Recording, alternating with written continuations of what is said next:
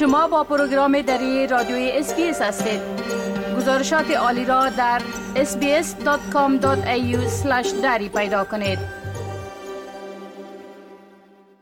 و حال با همکارم آقای جاوید روستاپور خبرنگار برنامه دری SBS برای جنوب آسیا صحبت می کنم که ایشان در مورد موضوعات عمده در رابطه به افغانستان صحبت خواد کردن آقای روستاپور سلام خدمتتان. در آغاز می‌خوایم بپرسم که خب طالبان به اظهارات وزارت خارجه امریکا واکنش نشان دادن که گفته اقوام احزاب و گروه های مختلف افغانستان که از مردم نمایندگی می‌کنند در حکومت طالبان نیستند. عکس العمل طالبان در این مورد چی بود و چی گزارشات در این مورد روی دست است؟ بله با سلام وقت شما بخیر خانم تصمیم. همون گونه که شما اشاره کردین میتو میلر سخنگوی وزارت خارجه آمریکا در یک نشست خبری گفته که ما خواهان افغانستان با نهادهای فراگیر هستیم. که در آن از گروه های مختلف مردم افغانستان نمایندگی شود ما به دنبال دستیابی به این هدف در افغانستان هستیم. اما گروه طالبان در واکنش و این اظهارات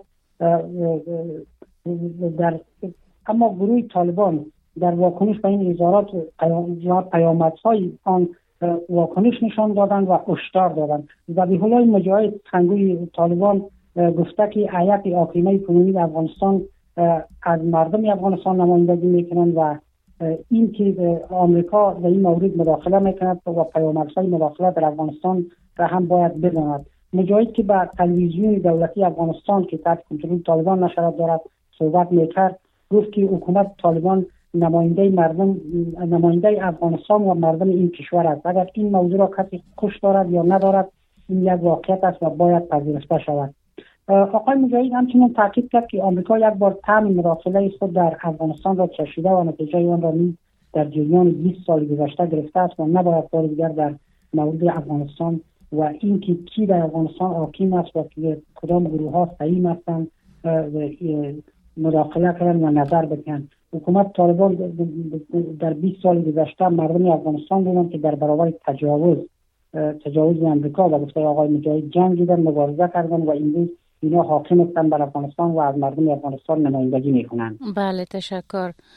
خوب ریاست های ساعت طالبان خواستند که روند ثبت نام دخترها را در انستیتوت های سی در ولایت افغانستان آغاز کنند.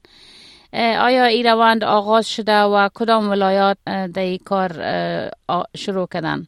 بله. وزارت صحت عامه طالبان در نامه از ریاست های این وزارت در 11 ولایت افغانستان خواست تا روند پذیرش دختران فارغ التحصیل از سنف 12 را بده تا از آموزش نیمالی در اینستیتوت طبی بهرهمند شوند. خبرگزاری دولتی باختر که تحت طالبان نشرات دارد. گزارش داده که روند پذیرش دختران در مؤسسات معالی طبی دولتی در ولایت‌های کاپیسا، پروان، پنشیر، میدان وردک، غزنی، پکتیا، لوگر، خوست، بدخشان، بامیان و پکتیکا آغاز شده است.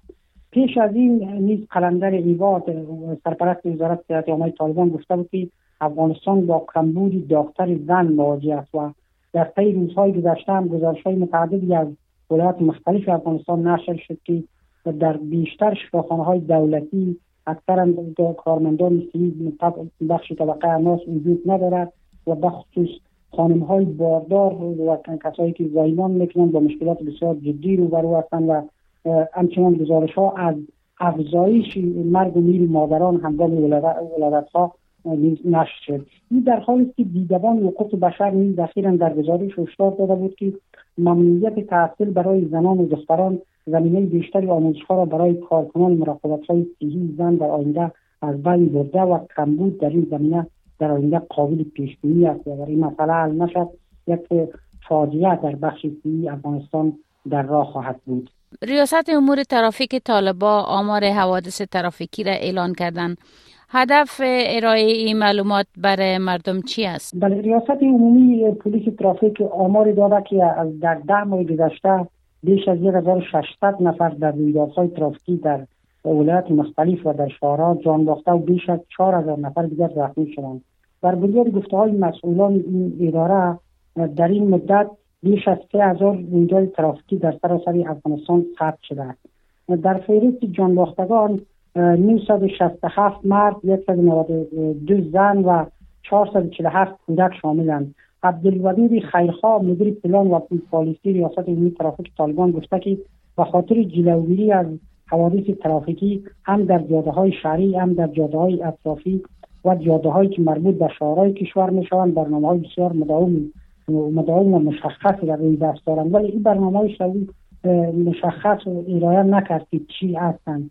این در حالی که شماری از راننده ها و باشنده ها به این باورند که رویدادهای های ترافیکی به علت نبود چراغ های ترافیکی نشانه های ترافیکی در شهرها و همچنان به احتیاطی برخی راننده ها صورت می‌گیره. از سوی هم برخی آگاهان و روانشناسان گفتند که دلیلی ای که بیش از 50 تا 60 درصد رویدادهای ترافیکی بالا رفته ای است مردم بیشتر استرس دارند یا وضعیت روحی و روانی مردم بسیار بد است و این مسئله سبب شده که یکی از عاملی که رویدادهای ترافیکی بالا بره است که مردم با بالای خود کنترل ندارند یعنی روحن و روانن آرام نیستند همچنان طالبا در بلخ برای استادای دانشگاه بلخ دستور دادند که سنفای تفسیر و ترجمه قرآن کریم بخوانن و آغاز کنن عکس العمل استادای پانتون در این مورد چی بود؟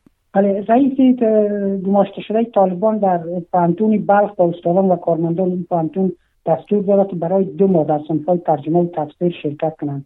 محمد شریفی ابا عثمانی رئیس پانتون بلخ گفته که در, نامه از تمامی استادان و کارمندان اداری و خدمات این پانتون خواسته که هر روز در این سنفا باید شرکت کنند. در نامه ای که در شبکه های اجتماعی هم دست دست میشه آمده که این تصمیم در جلسه اداری ولایت گرفته شده و به طور عاجل و اجرا شود. واکنش ها بسیار زیاد بوده. ولی دو مورد عمدتا روی دو مورد تاکید شده. نخستی که ای که برای استادای یک دانشگاه که سالها یا تجربه تدریس و پژوهش دارن چنین سنفای برگزار شده. به نوع توهین و به شخصیتی از و به دانشی از و یعنی به قلم دانشگاه و تحصیل توهین است. موضوع دوم که تاکید کردن کاربران شبکه های اجتماعی است که مهم نیست که اما باید تفسیر و ترجمه بدانند و الزامی هم نیست. یعنی یک کسی استاد فیزیک است یا استاد بخش انجینری ولی این الزامی نیست که باید حتما ترجمه و تفسیر را بداند تفسیر ترجمه قرآن در دنیا همه مسلمان هستند ولی همه تفسیر و ترجمه نمی‌دانند. و این از مسلمانیشون و اسلامیتشون چیزی کم نمی‌دونن این عمدتا نظرات عمومی که تاکید کرده بودن کاربران شبکه اجتماعی این دو مسئله بود. بسیار زیاد تشکر از شما آقای جاوید روستاپور تا برنامه آینده شما را به خداوند مسپارم وقتتان بخیر. وقتی شما هم خوش خدا حافظ ناصرتان. بپسندید شریک سازید و نظر دهید. اسپیس دری را در فیسبوک تعقیب کنید.